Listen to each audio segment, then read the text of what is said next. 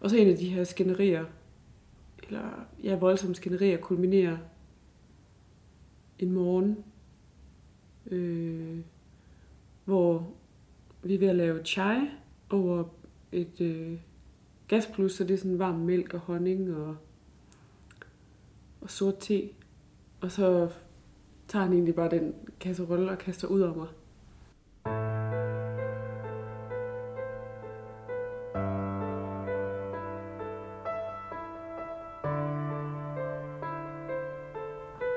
Du lytter til Dysfunktion, en podcast om og med kvinder, der har været i forhold til mænd med psykopatisk eller narcissistisk adfærd.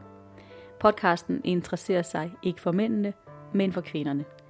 Den prøver at undersøge, hvorfor kvinderne blev fanget ind i den her slags forhold, hvorfor de blev i dem, og ikke mindst, hvad der skulle til, for at de kunne slippe væk. Mit navn er Karolina Magdalene Meier.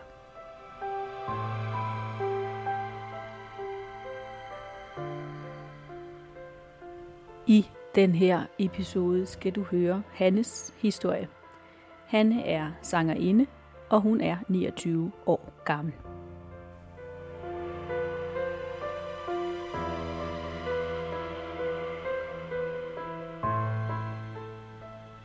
Jeg er på en udlandsrejse, øh, hvor jeg ikke rigtig ved, hvad jeg skal. Jeg har ikke nogen slut. Jeg har ligesom ikke en øh, slutdato, og jeg rejser alene og tager meget spontant afsted.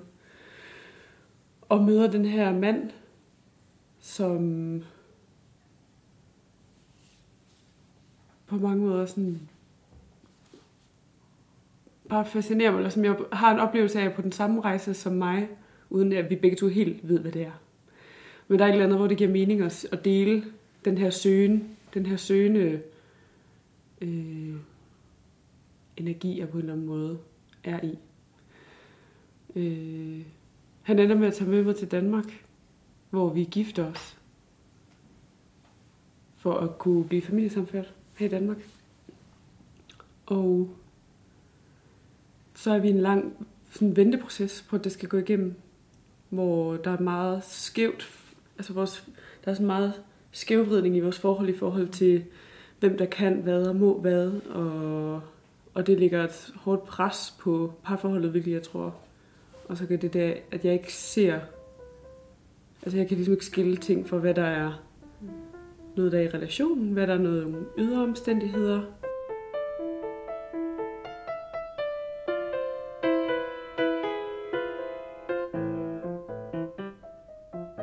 Hanne oplever, at hendes mand bliver tiltagende ubehagelig. Han er jaloux, han er anklagende, og han bliver mere og mere besidderisk over for hende.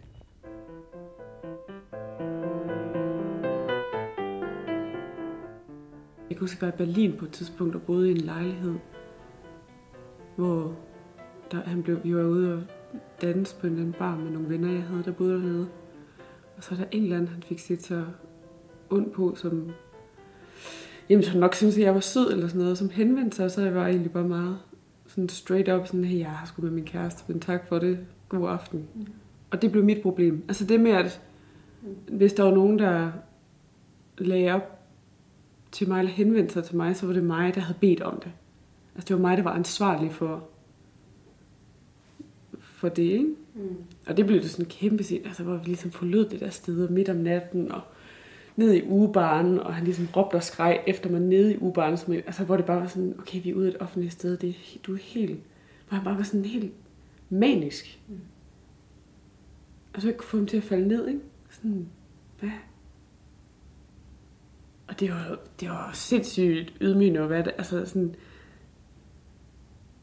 og det var en gammel ven, ikke? ham der i Berlin, vi var nede og besøge, og hvor man var sådan, okay, vi bliver så gå, fordi, altså noget, ikke? Det kunne også altså, bringe ind min for, mit forhold til mine forældre, for eksempel, især til min far. Så når man, man kan også se på det, du kommer af, at det er derfor, du er på den måde. Altså sådan en meget grænseoverskridende i forhold til at udtale sig om ting, som, den, som man egentlig måske selv bedst ved. Altså, der lige pludselig kommer et andet menneske og siger, jeg ved bedre om dig, end du selv gør. Det er sådan en enorm afmyndiggørelse. Øh, men jeg tror ligesom, når man hører ting mange nok gange, altså ligesom også med små børn, ikke? Så man bliver med at fortælle dem en eller anden historie, eller også bare hvis man virkelig får gjort indtryk, så begynder man også at tro på det, eller bliver i hvert fald i tvivl. Så hele den her virkelighedsopfattelse, den bliver ligesom meget flydende, og sådan, hvad er rigtigt og forkert, og hvor er min grænse egentlig, og Mm, jeg mærker nogle ting, og er det noget, jeg bilder mig ind, eller er det egentlig min integritet? Hvor, altså, hvad er alle de her ting, det bliver sådan lidt udvisket. Og så øh, får han opholdstilladelse, og vi, der er masser af de her checkpoints, som bliver tjekket af. Alt det, jeg ligesom hele tiden, jeg gik hele tiden lede i fremtiden af. Når han lige om lidt, når han får opholdstilladelse, eller når han får et job, når han lærer dansk, når... Så der er sådan en total overlevelses... overlevelses øh, tilstand og, og venten på en eller anden fremtid, hvor ting var anderledes. Og så lige pludselig kom fremtiden jo, jeg kunne lige pludselig se, så lige pludselig alle de her ting falder ligesom til side, og man kan sige, okay, det er fandme ikke omstændighederne, der, der er fucked up. Det er, der er noget her, som er helt forkert. Altså hvis vi havde været ude med nogle venner eller sådan noget, så kunne jeg finde på sådan at spørge, om jeg havde været i seng med nogen. Sådan noget, ikke? Sådan, Nå, har du også, har du også, har du også været i seng med ham? Eller sådan noget, ikke? Hvis jeg nu var venner med nogen, jeg havde haft, haft sex med før, ikke? Mm. Så alt det, han oplevede af indre konflikt, blev ligesom projekteret over på mig. Så når han havde en dårlig dag, var det et eller andet, jeg havde gjort. Eller når noget, når han mislykkedes med noget, så var det fordi et eller andet, der involverede mig. Altså jeg havde et eller andet ansvar. Altså han pålagde jo også mig et ansvar. Med tiden nøjes Hannes man ikke med at være psykisk manipulerende, men bliver også fysisk voldelig. Første gang, der holder han egentlig en knytnæve op foran mig. Jeg sidder nede ved et bord, og han holder sådan en knytnæve op i luften. Og det er egentlig der, hvor jeg sådan, okay, det var vores dreng. Og jeg henvender mig faktisk til en, eller jeg har en god veninde, som jeg taler med det om. Hvor jeg sådan, gud skal jeg tage hen til hende og fortælle om det her. Og vi har jo begge to meget sympati for ham, fordi der er mange ting. Jeg, altså jeg har sgu aldrig prøvet at skulle integrere mig i et land, hvor jeg for det første har den anden hudfarve end majoriteten, og jeg taler ikke sproget, jeg må ikke arbejde, jeg må ikke, altså alle de her ting. Så vi havde meget sådan forståelse for ham. Øh, og det havde hun også til at starte med, min veninde der, sådan, okay, jeg må fandme virkelig være presset. Altså vi prøvede sådan ligesom at regne ham ud. Øhm, men var også helt, jeg var også helt klar over, sådan, det var ikke i orden. Men jeg siger også til hende den dag, hvis jeg siger et eller andet, hvis du oplever noget på et eller andet tidspunkt, hvor det lyder helt langt, så skal du sige det, fordi jeg er faktisk ved at miste sådan lidt fornemmelsen af det. Øh, og så kommer hun tilbage dagen efter, hvor hun sagde, du sagde det der med, at jeg skulle sige, hvis der var noget, der ikke var. Mm. Øh, og så taler vi om det, og så taler jeg med ham og så om det, og han finder ligesom ud af, at jeg har talt med hende om det, og bliver meget vred. Altså det bliver ligesom bare endnu et, et stort, en eksplosion af, et skænderi, ikke? Så er jeg ligesom... Og for der, der tror jeg, jeg bliver sådan, okay, det kan jeg sgu slet ikke overskue. Og det sker jo alligevel ikke igen, det har han lige ligesom forsikret om, ikke?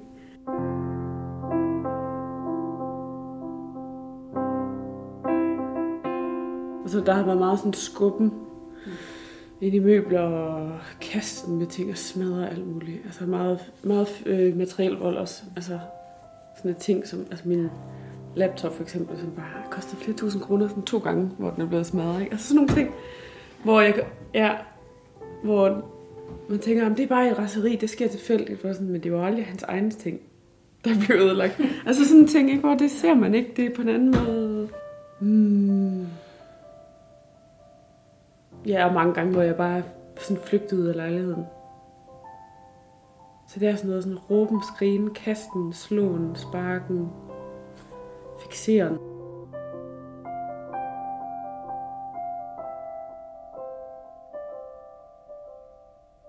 Nu er vi fremme ved den morgen, hvor Hannes mand tager kasserollen fra gasblusset og kaster chai-te ud over hende. Jeg spørger hende, hvordan hun reagerer på episoden. Jeg beder ham bare om at gå. Jeg bliver bare ved med at, bliver ved med at bede ham om at gå. Og det går sådan lige, lige i den situation, der går det sådan op for ham, tror jeg. Altså til at starte med, at han sådan negligerer det og ser kun sig selv. Mm. Og er i sin vrede. Og så tror jeg lige pludselig, det går op for ham, at jeg faktisk er virkelig slemt forbrændt. Og det tror jeg, jeg bliver sådan chokeret over, og begynder, altså bliver ked af det, og græder og beder mig om, han ikke godt må hjælpe. Og jeg afviser egentlig bare blankt. Altså jeg kan mærke, der er jeg slet ikke til at forhandle med. På det tidspunkt, der er jeg slet ikke i tvivl. Og så bliver jeg ved med at bede ham om at gå. Og til sidst så er han bare gået. Og fra den dag, så det var ligesom en eller anden... Jeg tror, det gik... Der jeg mærket jeg så stærkt sådan, okay, her, her er et vindue. Her er en mulighed. For jeg kunne ligesom ikke se nogen mulighed. Det er sådan, okay, vi kan ikke tale om det, eller det kunne kun... Jeg sad ligesom fast i en eller anden hårdknude. Men her var der ligesom noget, der gjorde, at jeg ikke kunne ikke se det i øjnene. Og sådan, der var virkelig nogle fysiske mærker, som også var der i morgen og næste uge og så videre. Og det var på en eller anden måde en gave. Sådan har et vindue, det er nu, ellers ved jeg, skal jeg gøre, sker. Så jeg tog det vindue. Og så så jeg ham først fem måneder efter, da vi var i retten. Jeg anmeldte ham så for vold. Øhm, så den handlede egentlig om den episode. Mm. Vi kan også lidt styret det der med, at man... Øh, Øh, jeg anmelder for den episode, men det er jo ikke kun det. Altså, det er jo bare, det er jo bare kulminationen. Det er jo bare der, det ender. Øh, men men det, det skal, må man bare forholde sig til. Altså,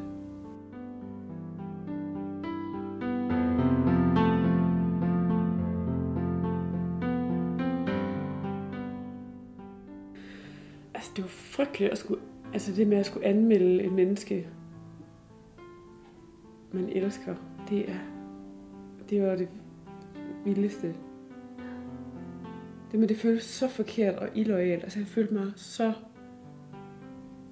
tavlig. Men jeg følte heller ikke, at jeg havde noget valg. Altså jeg tror, det gik op for mig, lige efter vi havde været i retten. For jeg blev ved med at holde et eller andet. Altså fra jeg gik, så der blev ved med at være et eller andet, sådan, han må sgu anke, eller der må være et eller andet sådan, han må, det må være en øjenåbner, eller jeg håber for ham, at han går igennem en eller anden proces, hvor han får kigget på noget af alt det her, og du ved, et eller andet. Jeg gik sådan og håbede på hans vegne. Og så lige efter øh, retsmødet og domfældelsen, modtager jeg en besked fra ham, hvor han skriver, om jeg er glad nu, eller nu kan han ikke være her. Var det virkelig det, jeg ville? Og der tror jeg sådan endegyldigt, okay, vi kommer aldrig til at mødes. Han kommer altid til at se mig som krænkeren i det her. Han kommer til at se mig som over, øh, overgreb, overgrebsparten. Og det må jeg bare acceptere. Vi kommer, det kommer, vi kommer ikke til at enes. Han kommer ikke til at se det. Og det er sådan, det har jeg fået fred med. Mm. Jeg spørger Hanne, hvad det var ved hendes eksmand, eller ved relationen mellem hende og hendes eksmand, som gjorde, at hun blev så fascineret og draget af ham og af det forhold, som hun valgte at gå ind i. For det første var der jo kærligheden, som, som bare var vild og stor. Altså, der var sådan et eller andet helt, jeg følte sådan, at vi kunne kigge ind i hinandens allerinderste. Det var meget overvældende og meget sådan livsbekræftende. Der var et eller andet enormt meningsfuldt ved at ture og være så jamen sådan nøgen med et andet menneske. Altså et eller andet sådan, nu, nu blotter jeg mig helt. Vi gør det begge to. Det der med at springe, men ikke at springe, men at springe sammen med nogen. Så jeg tror helt ærligt, det at der lige pludselig kom ind der sagde, jeg vil have dig, var sådan den der, det skal vi fandme det her. Ej, kan du se, mand, vi kan lægge verden ned. Det var sådan, fedt. Jeg ikke skulle tage stilling også. Fedt, der er en, der var på eventyr. Jeg vil på eventyr. Han var sindssygt karismatisk og havde sådan en meget grænseløs tænkning. Altså var så meget optaget af at skille ting ad. Og se store sammenhænge. Øh, og hele det her sådan meget intellektuelt stærke maskineri, han havde, var jeg meget i det. Altså, der mødtes vi et sted, hvor vi begge to var der mm. i livet. Mm. Og samtidig et sted, hvor jeg tror, vi havde brug for enorm nærhed og sådan total hengivelse. Så der var et eller andet sådan kompromilløst.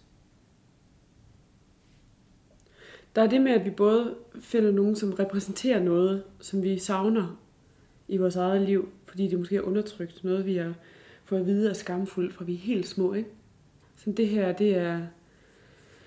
Altså for eksempel er jeg, har jeg altid haft en overbevisning, altså helt ubevidst fra jeg var lille, om at det at græde var en svaghed. Og, og sådan hele det der følsomme. Der var ikke, altså jeg, jeg følte ikke, der var, jeg havde ikke et sted, hvor jeg kunne gå hen og blive holdt om.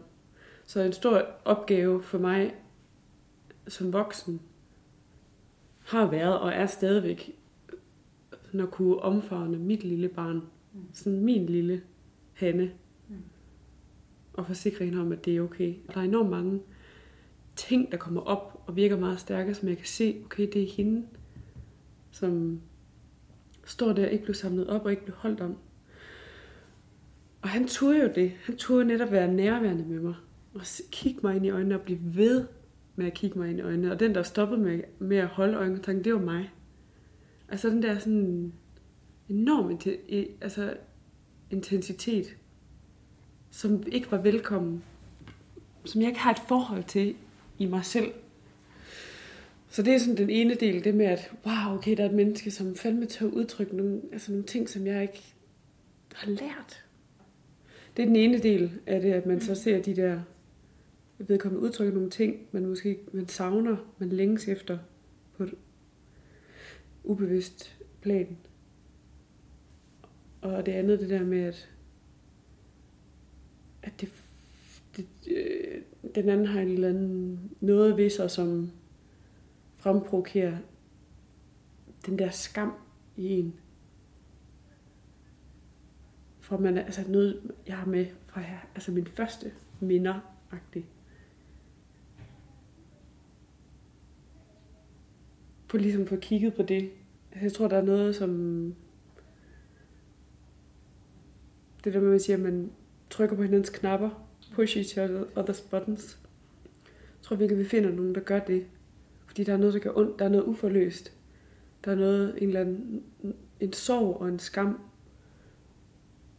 fra altså, læret helt, helt, helt, helt dybt. Jeg kommer fra sådan en far, der er ingeniør, og har altid været fars pige, og har haft nogle opgør med, altså jeg, det, det er først senere, altså i min teenageår, og jeg synes igen og igen, jeg opdager også som voksen, at han kun er et menneske. Altså jeg bliver stadig overrasket over det nogle gange. Der har været sådan en, en eller anden sådan gud øh, status, han på en eller anden måde har haft. Din far? Ja. ja. Altså, han gjorde alting rigtigt. Han var så pisse god til alting. Og samtidig var jeg også var jeg god til nogle, de samme ting og ting, han ikke var god til. Så vi havde sådan et voksen forhold til hinanden, altid, ikke? Jeg var ikke sådan, han talte aldrig ned til mig. Jeg tror, jeg, altså der, det gør rigtig meget af, hvem jeg, altså han har formet rigtig meget af den, jeg er i dag. Men han er også sådan, der er en rigtig måde og en forkert måde at lægge håndklæder sammen på. Og du gør tingene ordentligt. Eller, det der sådan, der er ikke noget ordentligt, som jeg sådan havde brug for sådan brænde af. altså, jeg, jeg ville bare på konservatoriet. Jeg ville, jeg ville bare øh, lave musik og på konservatoriet. Og han, ville, han synes, jeg skulle gå, gå på gymnasiet, fordi jeg skulle have noget at falde tilbage på. Så det gjorde jeg. jeg tog sådan, to, så tog jeg to uddannelser på én gang. Altså tog gymnasiet og sådan et øh, forberedende kursus til musikkonservatoriet MGK på samme tid. Og jeg tog kun det der gymnasie, fordi så kunne jeg få SU, og så kunne jeg bevise ham overfor ham, at det kunne jeg godt. Altså sådan noget, ikke? Hvor der... Mm, Ja. Og nogle opgør, hvor jeg ville, jeg ville noget andet, end han synes, jeg skulle, hvor... Altså også den der sådan psykiske terror, hvor han blev med at fortælle mig, at det kunne jeg ikke, og jeg vidste ikke, hvad jeg ville, og så videre. Og hver dag havde jeg lyst til bare at sige sådan, okay, så gør jeg, hvad du siger. For det er sådan befri for det, men jeg kunne også bare...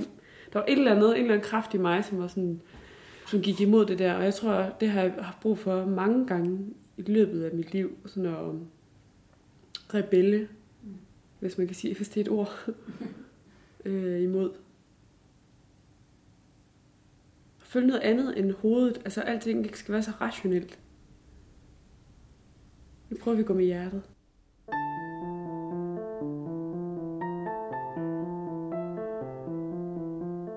Jeg beder Hanne prøve at beskrive, hvordan det føltes at være fanget i et forhold, som hun gerne ville ud af, fordi hun et eller andet sted godt vidste, at noget var galt, men hvor hun af en eller anden grund i lang tid ikke kunne få sig selv til at gå.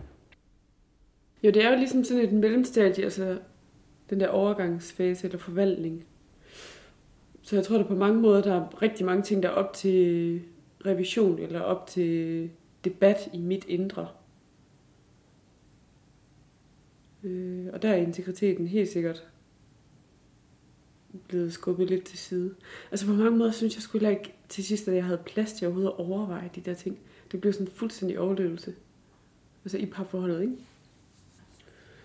Øh, der blev ligesom ikke, der blev ikke plads til, det tror jeg også er ret smart for udøveren. Altså, at det er ligesom, man holder, man holder ligesom offeret beskæftiget.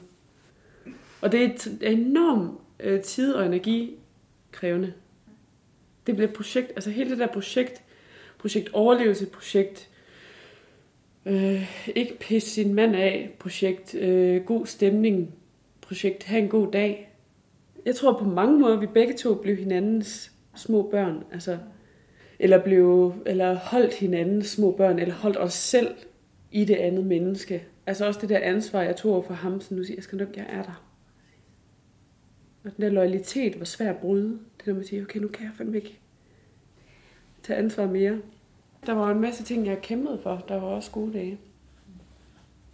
Altså, jeg tror, der var der hvor lang tid, var det også majoriteten af dagene, der var, der var gode. Så skifter det bare på, så på et tidspunkt det lidt mere... Altså, jeg synes tit, så er der nogen, der siger om, om netop det her med med at være i destruktive eller voldelige parforhold. Sådan, jamen, så, for, så startede det jo godt, og så endte det rigtig skidt, og så går man. Men det er jo godt og skidt hele vejen. Altså, det er det, der ligesom er totalt misforstået, synes jeg. At det er både lykkeligt og ulykkeligt helt ind til det sidste.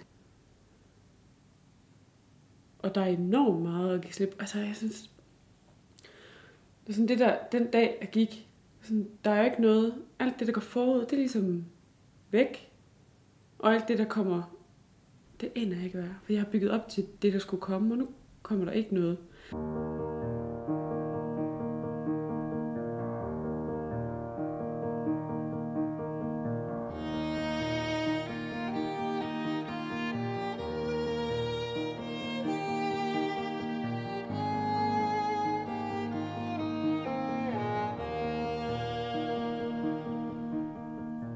Episoden med chai var den dør, Hanne havde brug for, for at kunne forlade sin mand. Jeg spørger hende, hvordan det føltes inde i hende bagefter, da hun havde taget det nødvendige skridt og afsluttet forholdet. Jeg havde enormt meget trang til at definere mig selv igen. Altså jeg følte sådan, wow, hvor blev de sidste to år lige af? Nu skal jeg fandme ud og manifestere og sådan, gøre noget med det her. Hvilket både øh, blev altså et behov for at blive mig selv igen og finde ud af, hvem jeg nu var. Og så blev det også, var det sådan en flugt fra, når det ligesom blev for hårdt at være med den der sorg, det også er. Altså jeg har ligesom også mistet et menneske, jeg troede, jeg skulle være sammen med. Altså alt det der blanding af sorg og vrede og angst og søvnløshed og sådan noget, det er en ting. Men, der, men sådan hele grundfladen var enormt meningsfuld. Altså det der med mening både er noget, der er der noget i de lykkelige og ulykkelige stunder. Og jeg synes sådan alt var poesi. Du var ligesom om, at der var så mange mantraer, der sådan kørte rundt og gav mening. Det der, jeg havde sådan en fornemmelse af, lige det, det var sket, nu er det værste overstået. Nu, skal jeg, nu er det bare ligesom at gå. Og det med, at, at fortiden ikke er der, og fremtiden heller ikke er der, er jo sådan en enorm nedsl, altså nedslag i, i nuet og i nærvær. Så enormt meget nærvær. Og det der med at være tvunget til at tage en, en dag, en time, et minut, et sekund ad gangen. Det var sådan virkelig en invitation til at være til sted. Det var ligesom sådan, okay, nu, nu giver livet mig det her. Come what may. Nu læner jeg mig bare ind i det. Og det var jeg jo god til. Jeg var jo god til at læne mig ind i det. Men nu kunne jeg mærke sådan, okay, det her, der er, noget, der er et eller andet højere, der bærer mig. Øhm. Og det med de første gange, jeg flyttede et andet sted hen. Og boede faktisk ikke, jeg flyttede først tilbage til mit eget hjem et halvt år efter eller sådan noget. Og de gange jeg så tog ud i havnen og besøgte mit sted, altså det var også nogle ritualer. Jeg er sådan, okay, nu tager jeg ud i dag, nu er jeg her lige lidt. Og sådan være mild med mig selv. Sådan meget, mm, mærke mit hjerte. Og så gør mange af de ting, jeg ikke havde gjort. Alt det, jeg havde glemt.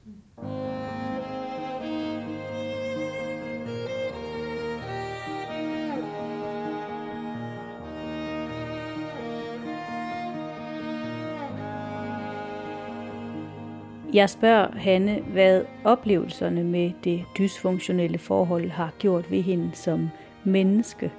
Om hun føler, at hun har forandret sig, eller om hun ser på sig selv på en anden måde eller i et andet lys, end hun gjorde før. Jeg tror ikke rigtig på det der begreb med at komme over noget. Og nu er det vel kommet videre, nu er det kommet over. Jeg tror da, at jeg, jeg er forandret. Og det tror jeg egentlig, vi alle sammen bliver af større eller mindre ting. Altså jeg tror, vi hele tiden bliver formet af noget. Det er ikke sådan, så er vi en eller anden. Så sker der noget. Så vi, altså det er meget mere flydende på den måde. Øhm. Jeg tror, vi bliver formet. Og så er der nogle... Altså jeg, jeg tror, min sorg er ikke så meget nu over ikke at få sagt farvel. Jeg har accepteret den del at vi ikke skal se hinanden igen. Altså, jeg har, det, har, det, det er meget ambivalent, det der med at have lyst til det, og ikke have lyst til det.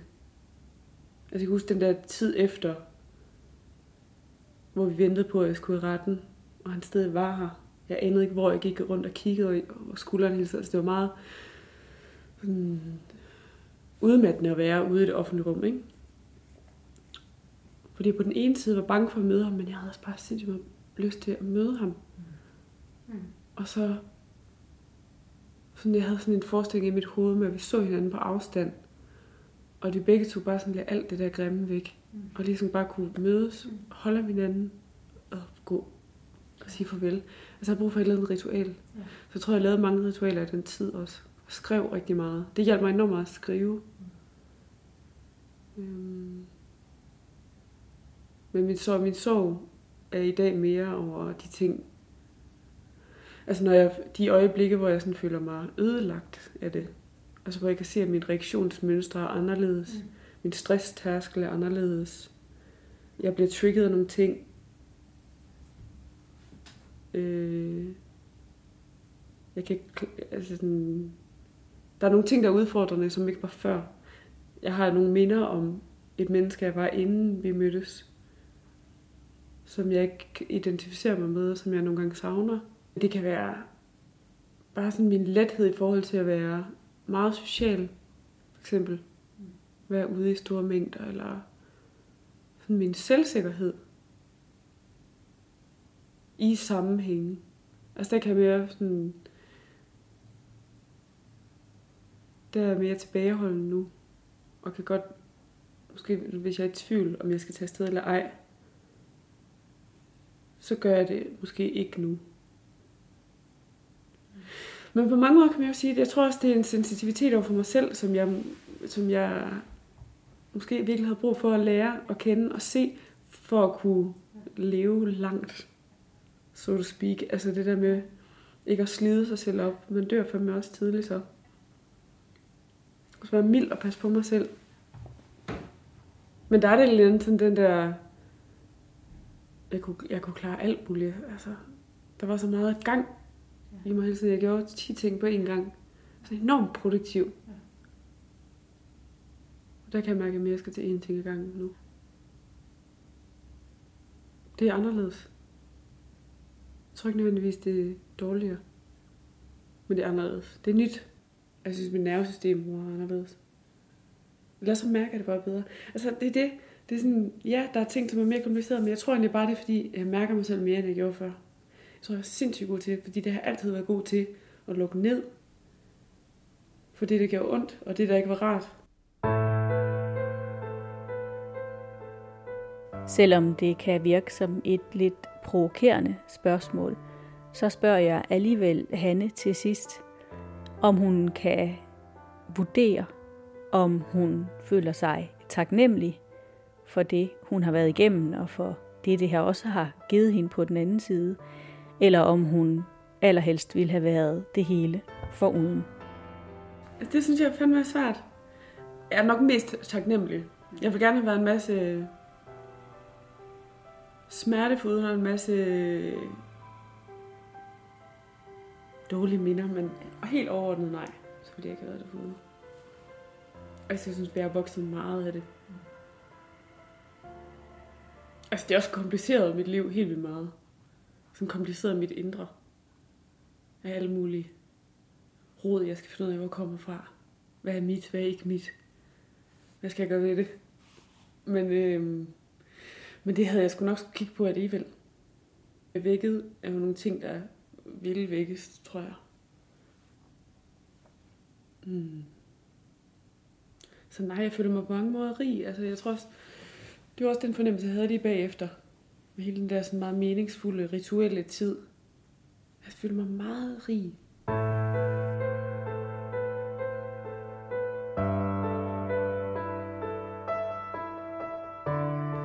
Du har lyttet til podcasten Dysfunktion. Podcasten er produceret og redigeret af mig, Karolina Magdalene Meier. Tak fordi du lyttede med.